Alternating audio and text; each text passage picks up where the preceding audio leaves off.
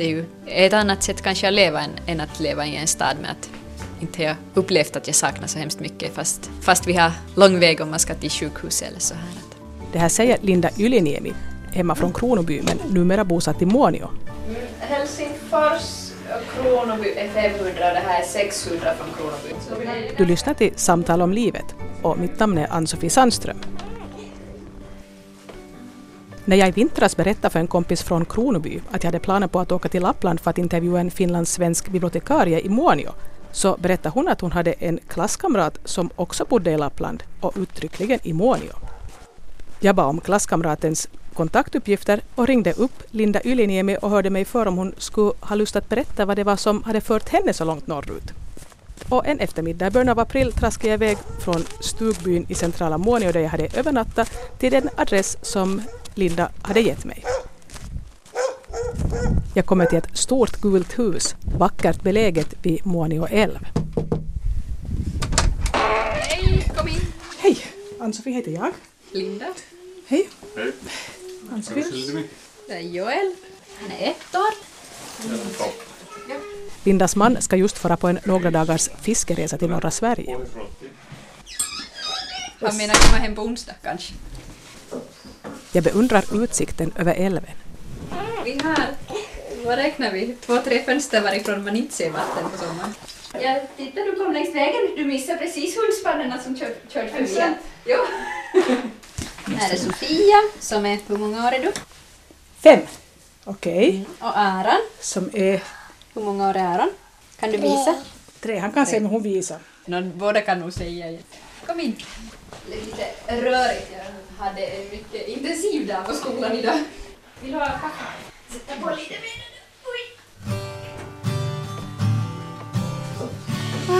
Ja, jag heter Linda Yliniemi och jag är hemma från Österbotten eller Kronoby och bor i Muonio. Vi har tre barn. Joel som är ett och Aron är tre år och Sofia är fem år. Och det är Joel som vill säga någonting här nu. Jo. Han tycker att han vill också vara med. Ja. Och eftersom den person som tipsar mig om Linda är årsmodell 79 så utgår jag från att Linda också är lite på 30. ja. Just så.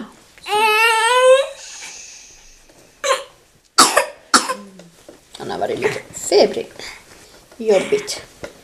Mamma ännu till har varit bort hela dagen. Nå, när du växte upp i Kronoby, hurdan flicka var du? Jag var väl ganska lugn och lite blyg tror jag. Jag hade nog åtminstone inte tänkt att jag skulle prata så mycket finska. Jag har haft fem från gymnasiet i finska så Tyckte du finska var svårt eller var det, hade du svårt med språk överlag? det eller? var, finsk, finskan var jättesvårt. Att, annars så engelskan gick bra och så läste jag tyska och lite franska också men att fins, finskan var, var svår. Och, och nu, har jag, nu har jag fått det här så att jag har utmärkta kunskaper i finska. Att jag är behörig lärare på finska också. Men vad hade du för planer eller fantasier vad du skulle bli när du blev stor när du ännu gick i skolan? Ja, något skede hade jag väl veterinär men att eh, sen så började jag nu studera biologi för att det var något som jag tyckte var jätteintressant och sådär. Så. Sen vikarierade jag en del, del under studierna och då fick jag det här att jag skulle bli lärare. Och så är det nu ett yrke som man, som man nu också kan göra utanför huvudstadsregionen och sådär. Att, att annars är väl biologi yrken som hör till det ganska, du ska bo ganska centralt för att kunna jobba. Och I vilket skede träffade du den man som du har kommit hit till Muonio med? Uh, no, det var egentligen före jag började studera den så träffade jag honom. Att vi råkade, råkade träffas och sen så visade det sig att han bodde dit vart jag skulle studera också. Så.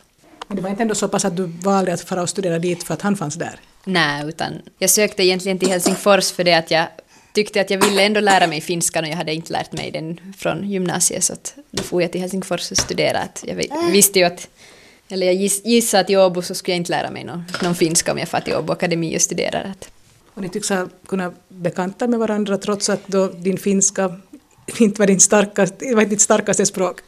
no, det var väl kärleken som gjorde det sen att vi gifte oss år, år 2000 och, och sen så för fem år sedan så ungefär så flyttade vi hit då efter, efter en tur till, till Åland emellan. Muonio är alltså en kommun som har ungefär 2500 invånare och som ligger ett par hundra kilometer norr om polcirkeln.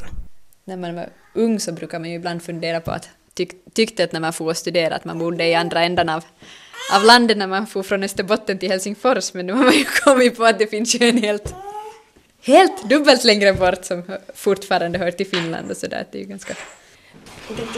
Oj! Måste söka och leta åtminstone en sommarbild. Linda tar fram datorn för att visa hur det ser ut hemma hos dem på sommaren. Här är ju älven. Ja. Som är det här gränsälven alltså? Ja, så vi har Sverige på andra sidan.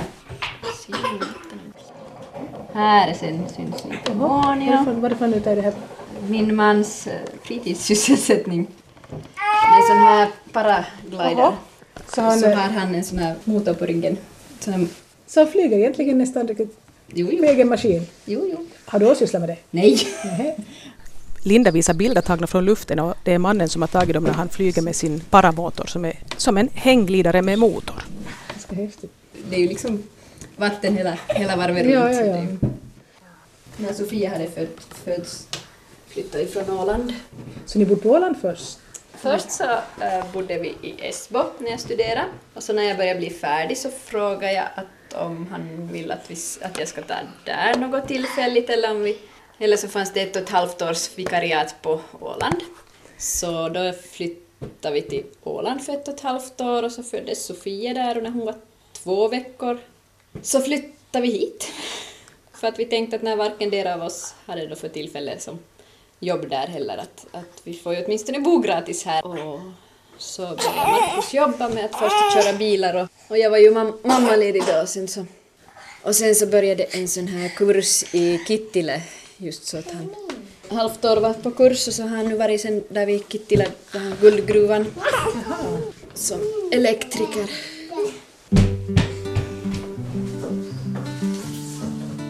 Har du någon kontakt med norra Finland och Lappland före du träffade din man?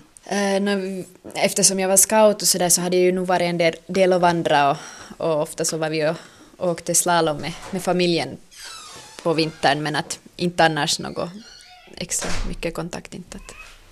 Både Linda och hennes man trivs i naturen och de hoppas att också barnen ska få samma intresse. Nu är vi ute, ute och skidar och brukar fara ut till stugan eller ut i någon lavvo och grilla korv eller så här också. Att, alltså att, hoppas att de också skulle få, få intresse. Att, att min man också någon gång sa att, att inte förstod han när han var ung att, att vilka möjligheter här finns och så här att inte förstod han att uppskatta naturen på samma sätt som när han har varit borta och vi har bott i, i stan och sådär. Att, att man sen, sen först förstår hur fint här är. Så det var inte så att när du lärde känna honom då att han genast sa att okej, okay, bara så du vet att jag tänker sen någon gång flytta hem till Muonio, att är du beredd på det? Det var inte så? Nej, inte var det alls egentligen så var det nu bara sen att vi, när varken dera hade jobb och jag var mammaledigt så tänkte vi att vi far, far och, och prova på att man slipper ju alltid därifrån eftersom vi inte behöver investera i, i något hus eller så här utan vi bodde ju på Åland före och vi trivdes där men att nu märkte jag att, att det aldrig skulle kunna bli som på det sättet fast bostad. Att för oss var det så långt hit eller, eller till Kronoby också. Att, att från Åland hit, vad blir det? Vad är det, 1100 ungefär och med båt, båtresorna dessutom så, så att binder ju alltid att man måste vara en liten tidtabell vilket inte riktigt passar när man åker så där långt. Att. Hurdant är Moni som ställe liksom att bo och vistas i? Jag menar det, är det ett sånt ställe att folk håller koll på varandra och känner till varandra och alla vet vem som är släkt med vem sen generationer tillbaka? Eller? No, no, många känner nog mycket och sådär att, att vet liksom vad man nu gör och vart man hör och sådär. Men att det är väl som vilken annan by som helst. Att, Mamma! Ja. Tulee? No, jag vet inte, det är någon som är ute och skidar. Som man hör så är det ju intresse stort också vad andra gör. Ja. Men att nu märks det ju att man lite håller reda på vad grannarna gör. Och ofta så är det ju här också att man ber grannarna att ta in posten då om man är bortrest och sådär. Här är ju flera som, grannar som är äldre och sådär. Då är det ju på det sättet bra att de hör av sig att okej, nu är de borta några dagar, att man inte behöver fundera att jaha, var är de nu när de inte syns till? Att, att det tycker jag på det ett positiv sak som jag saknar i, i stan, att man inte, att här liksom håller man också koll i positiv bemärkelse och sådär. Man bryr sig med andra. Ja, mm. jo. De konstaterar att vi har ett jättebra socialt nätverk nu när vi bor här och så att vi har farmor och farfar och Markus moster bor också nära och hon har inte familj så hon brukar ibland ta de här två äldre barnen och ta dit över en dag och ha, ha lite dagklubb åt dem och så där att de trivs jättebra där de också och så där. Eh, Jag har nog konstaterat att jag inte är en stadsmänniska. Att märker nog att när man har bott här och blivit, blivit van att ha det så lugnt och ha, ha space omkring sig sådär att, att man längre tid i Helsingfors så tycker, tycker man nä- nästan att väggarna la- ramlar över en. Att det är så, så tätt bebyggt och sådär. man- Nu var det ju på det sättet också att, att vi var ju nog på det sättet klara med att inte vill vi att barnen växer upp helt i en, i en stor stad. Att, att här får de kanske vara barn längre och sådär. Att vi har nog trivts helt. Och sen har vi ju kanske lite såna såna saker som vi håller på med som, som nu passar att bo mera här. Att, att det kändes ju ofta att, att vi var ofta på alla semestrar och ledig tid så ofta så åkte vi hit upp då för att kunna vara ute i naturen och så kändes det ju nu att man har mera tid om man inte först behöver åka den där tusen kilometer från Helsingfors eller sådär. Att, att ni är här än från början liksom, Jo. så kan ni göra det direkt. Jo, att då räcker det redan att, att man kommer hem, hem efter dagen att man kan ta en skidtur direkt. Att, att, Nu när du sa att du, du vikarierar, hur mycket jobbar du då ungefär? Att är det bara när du behövs eller har du haft att du har jobbat kontinuerligt här? Uh, no, nu har det ju varit, varit efter, efter, att, efter att jag slutade mammaledigheten med Joel så har det varit, varit efter att, vad, vad som har behövts. Att de har nog inte så lätt heller att få vikarier som kan komma, komma för en och två dagar. Att, att det har nu varit så här trevlig omväxling så länge man är vårdledig.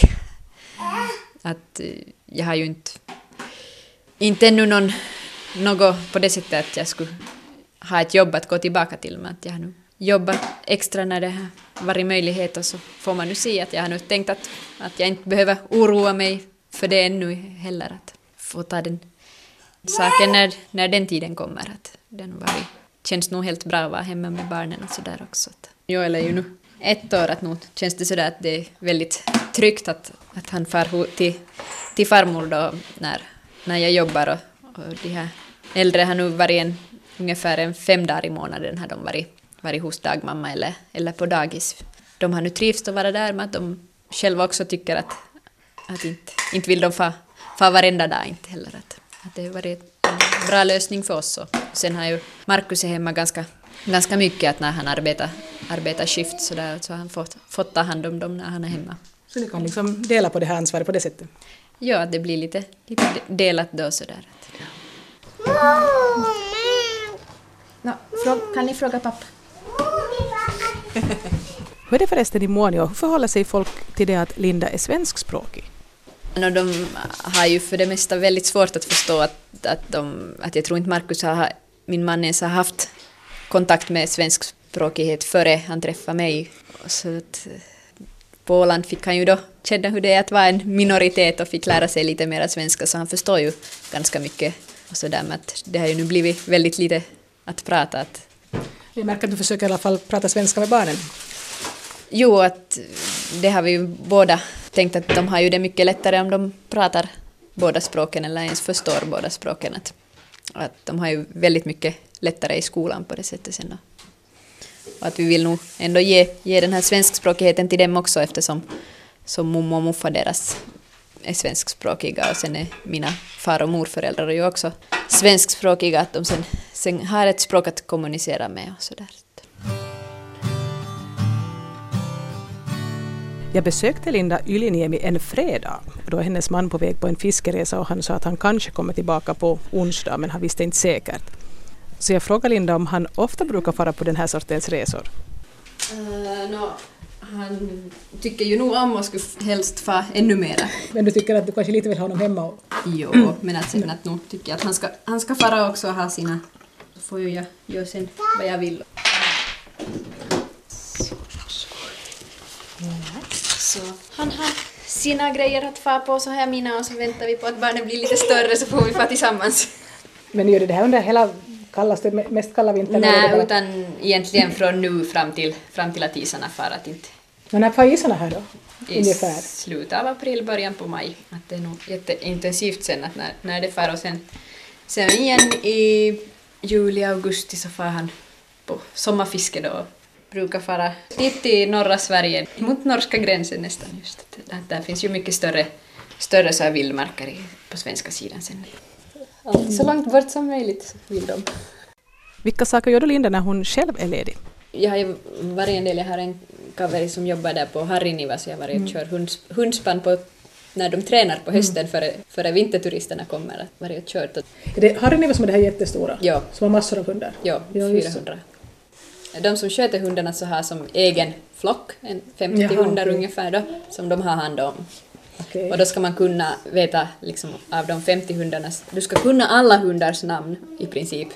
Och så har du din egen flock då, så då ska, där ska du veta att vilka hundar som springer först och vilka hundar som springer par med vilka hundar och, och så du kan laga liksom sen spann så att det, det går liksom att de springer jämnt och inte, inte att någon är jättesnabb och Så det är inte så det är bara att sätta ihop ett Nej. gäng hundar och att spring?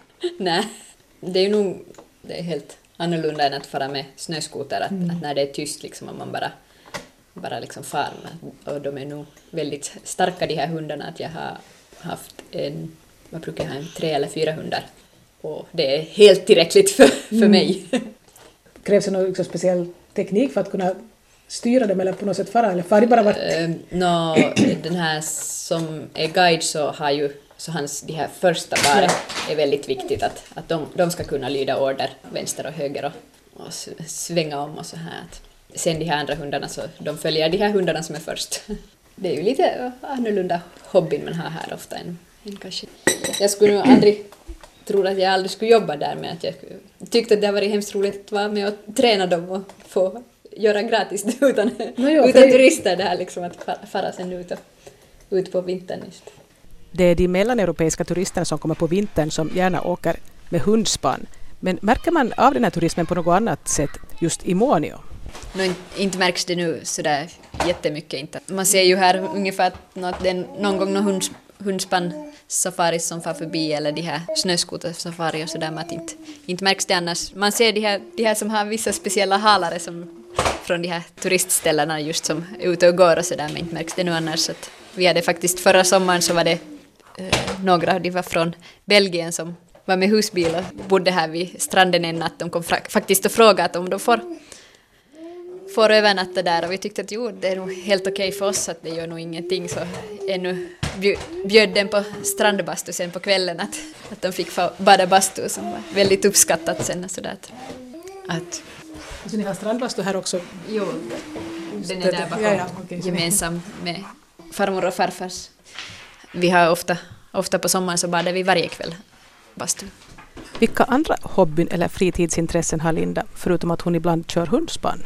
Jag har nu mycket börjat att jag rör mig ute. och Jag har varit ett par gånger och sprungit halvmaraton och det blev en helt ny hobby för mig som jag aldrig trott att jag skulle börja springa men att jag hittade en bekant så vi började hon frågade om jag kommer ut och springa, så jag har aldrig varit ute och springa. Så hon sa nej, inte hon heller, men hon tänkte hon skulle börja, så började vi och sen så, så gjorde vi en sån grej att vi andra året bestämde vi att hej, att vi provar på halvmaraton, att, vi, att om vi tränar så orkar vi med det och så var vi och så jag har sprungit två halvmaraton och Var har du gjort det då? i Levi Ruska-maraton och nu hoppas jag att vi i höst igen skulle, skulle orka göra det. Och nu har jag varit mycket och, och skida och njutit av det soliga vädret som vi nu har haft här annars. Sådär. Men du gör inte så att du som Hannu då, att du packar ryggsäcken och far bort några, några nätter och säger att jag kommer nu sen kanske på onsdag och så, och så, det där.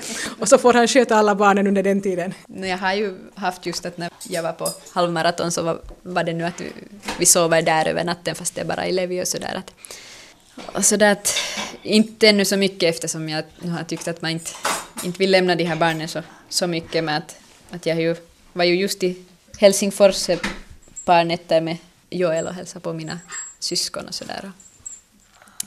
Att det har kanske nu blivit mera sällan eftersom de är som, så, så, så små att, att nu blir det säkert mera sen, sen när de blir äldre och sådär. Vi såg just hur din man höll på att packa eh, snöskotrar och massa tillbehör på en stor vagn och de skulle köra iväg nu då han och hans kusin någonstans ganska långt bort. Hur brukar du förhålla dig till det här när han är borta ganska länge och du inte vet exakt om du får tag på honom för att det inte kanske finns någon hörbarhet på telefonen och sånt? Nå, mm, det vet man ju att man får inte kontakt och sådär att, att, men att man vet ju att han, han har nu sagt att han är bort, kommer hem antagligen på onsdag sådär så att då väntar man nog ganska lugnt tills det och sen får man nu se vad som sen händer. Att det är nu att man vet ungefär var de rör sig och sådär att den här tiden så vet man ju att där är ju också andra, andra som rör sig i de här områdena så där att, men att det är ju klart det är ödemark men att det är nu när man har ett sånt intresse så, så är det ju liksom att man far, far ut i ödemarken att det är ju något sånt som man har vant sig vid att, han är nu skulle, men nu skulle du alltså köra då ungefär ett par hundra kilometer norrut först, liksom då, dit mot Kilpisjärvi. Och sen skulle du lasta av snöskotrarna och skulle du fortsätta på svenska sidan och hur långt som helst. Ja, att de far ju där på svenska sidan, det blir ju nära, nära gränsen till Norge sen ungefär brukar de fara. Jag frågade Linda vad hon skulle göra ifall det blir torsdag eller fredag och mannen ännu inte har synts till. Eh, uh, no, antagligen så, så eftersom de nu har två snöskotrar och sådär så hör man ju av, av dem om, om det är något som inte har funkat med att det beror nog lite på sådär att man vet ju vad, vad väder de har där och sådär att, att, att de har nu med sig alltid GPS och vet nu kartor och sådär, vet vädersträckorna och sånt så att nu, nu har de lärt sig att klara sig. Att, att vi har nog någon gång haft, haft någon som har, har skidat i landsvägen och tiotals kilometer att när de bara har varit med en snöskoter att Som har gått sämre. Ja. att då var, han var nu kanske var lite orolig och sådär men att nu kom budet sen att okej de blir lite försenade att, att det här har hänt oss så väntar man nu snällt sen att de kommer hem att inte det nu något extra, extra med det inte. Att de som rör sig där uppe i ödemarkerna så vet, vet ju att det att, att man är på naturens villkor och sådär att, att man nu inte far dit om man inte har kunskap och sådär men att ofta om någon behöver hjälp så hjälper man också andra. Att, så att, No, hej. Marcus, Markus, när vi bodde på Åland så var han, efter sin svenska kurs var han hit med ändå en kompis från, från den här kursen som var spanjor. Och han var 30-åring då så var de just sen uppe i, i fjällen och fiskade så, så här på samma sätt då. Och sov då på tusen meters höjd. Och den här spanjoren då som nu har rört sig i Alperna och sådär, men- eller där i bergen och sådär, så sa sen liksom när han kom tillbaka att förut var han en pojke och nu är han en kar. att för honom var det också en jätteupplevelse att få vara med. Kan jag ana att det är ändå trots allt inte de här fiskarna de fångar som är det viktigaste utan det är mer den här upplevelsen som de är ute efter de här, när de far på något sånt här. Nå jo, att det är väl nog att vi har ju nu tyckt någon gång att det, det är ju nog väldigt bra kilopris på de här fiskarna.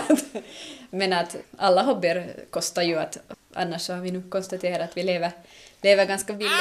Vi, vi far inte så ofta på en söderresa att man kan ju sätta de pengarna på sånt som man trivs med och vill göra istället. Att, att, de, att nu är det ju helt fantastiskt att åka dit och det är noll grader och sol, att det är ju fantastiskt ljust och sådär.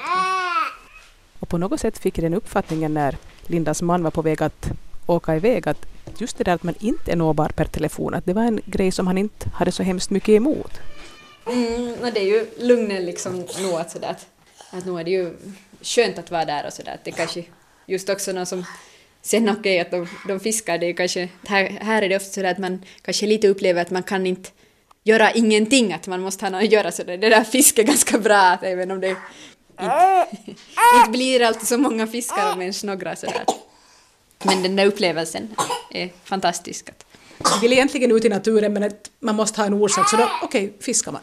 Ja, det är väl ofta så nog att, att sen så far han kanske på andra resor då när, när fisken är, är säker och, och har sen tagit hem så mycket fisk som, som han nu får eller kan bära sådär. Men Lindas man åker ju inte bara på fiskeresor, han är ibland också ute och flyger. I början var man nog ganska orolig direkt när man såg att han var uppe och flög.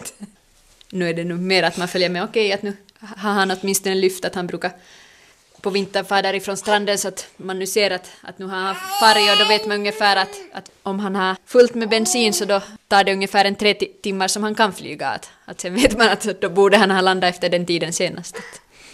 Hur startar han? Alltså det, är det liksom, när han lyfter upp den här skärmen då, som är sån här paraglider, så lyfter upp och sen så får han nu springa en, kanske en 30 meter för, för det mesta så sen så lyfter det så. Den här motorn väger väl en 40 kilo sådär så att man ska nog ha en, en viss kondition och sådär. Och ibland om det inte lyckas så då, då kan det bli nu några försök. Att jag minns i början så, så var det att han orkade med max, max två försök och sen måste han vila sig om inte lyckades att, att få luft under vingarna så att säga. Och jag antar att om han är ute och flyger med en motor på ryggen så då kan han verkligen inte höra av sig. En gång när han var just for dit norrut och, och skulle vara så, hade vi nu en tid när han skulle vara, vara tillbaka men att då var det faktiskt så att han fick kontakt när han flög så han, han ringde och så ro, ropade han i telefon att han är nu på väg, på väg till den, den sjön som, vi hade, som han, han skulle till och att, att vädret är bra och sådär, att allting hittills är bra. Att, men att jag visste ju nog att det är ett sånt ljud så han, han har ingen möjlighet att höra om jag säger något men att han för en gångs skull ringde han nu och sa att allting var bra. Att, han har vant mig vid att för det mesta är ju det att det inte får, får kontakt från de här öda markerna och sådär. Att, men att, Du har lärt dig att leva med det, att du blir inte hysterisk liksom genast ifall inte du hör någonting. nej, no, jag sa i något skede att att no, mera när han är ute, ute och flyger så jag har nu vant mig så att, att det vänder inte sig i magen och mera. Här är flera andra också som sysslar med det här samma, samma nog så att vi hade här i en helg så vi hade så att jag så, såg här från stranden att det var fyra som var uppe och flög samtidigt. Annars så har jag förstått att det är väl en ganska ny hobby i hela Finland och sådär att, att det finns inte så hemskt många motorer ens.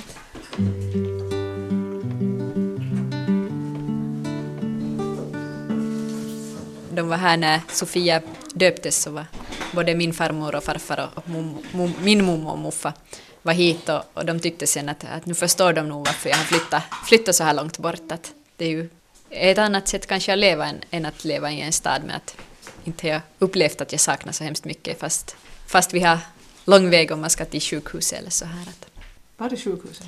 I Rovaniemi är ju, om man, har nå, om man ska föda barn så åker man till Rovaniemi 200, ungefär 250 kilometer. Så. Man måste starta bra länge förrän det är dags då. När vi åker ju med ambulans så Joel är född i ambulansen. är det vanligt där? Det är så det, är så det går?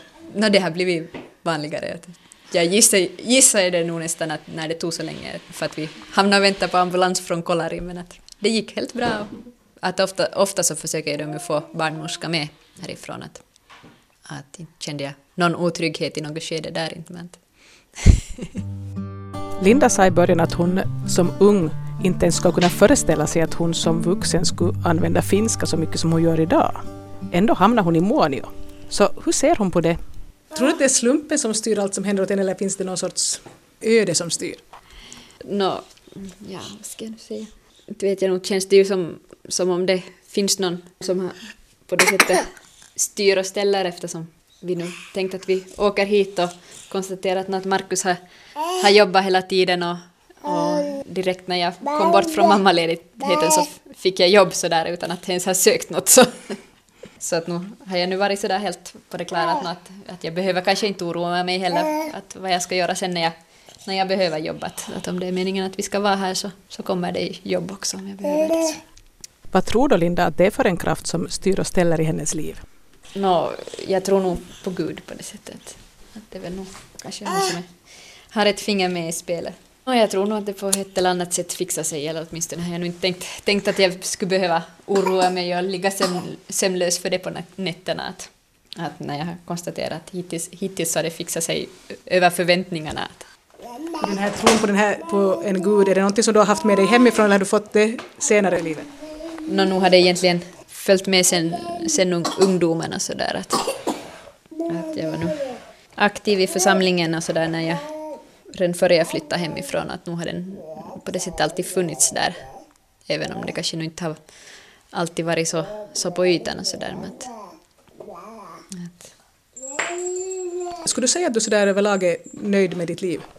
hittills åtminstone är jag väl, väldigt nöjd att, att även om det kanske nu inte var så som man tänkte att det skulle gå när man var ung och sådär så, så har jag nog trivts jättebra och sådär att, att det beror ju på lite kanske vad man har förväntning, för förväntningar och sådär men att jag har nu trivts jättebra och på det sättet känt, känt att, att jag kan vara, vara lycklig.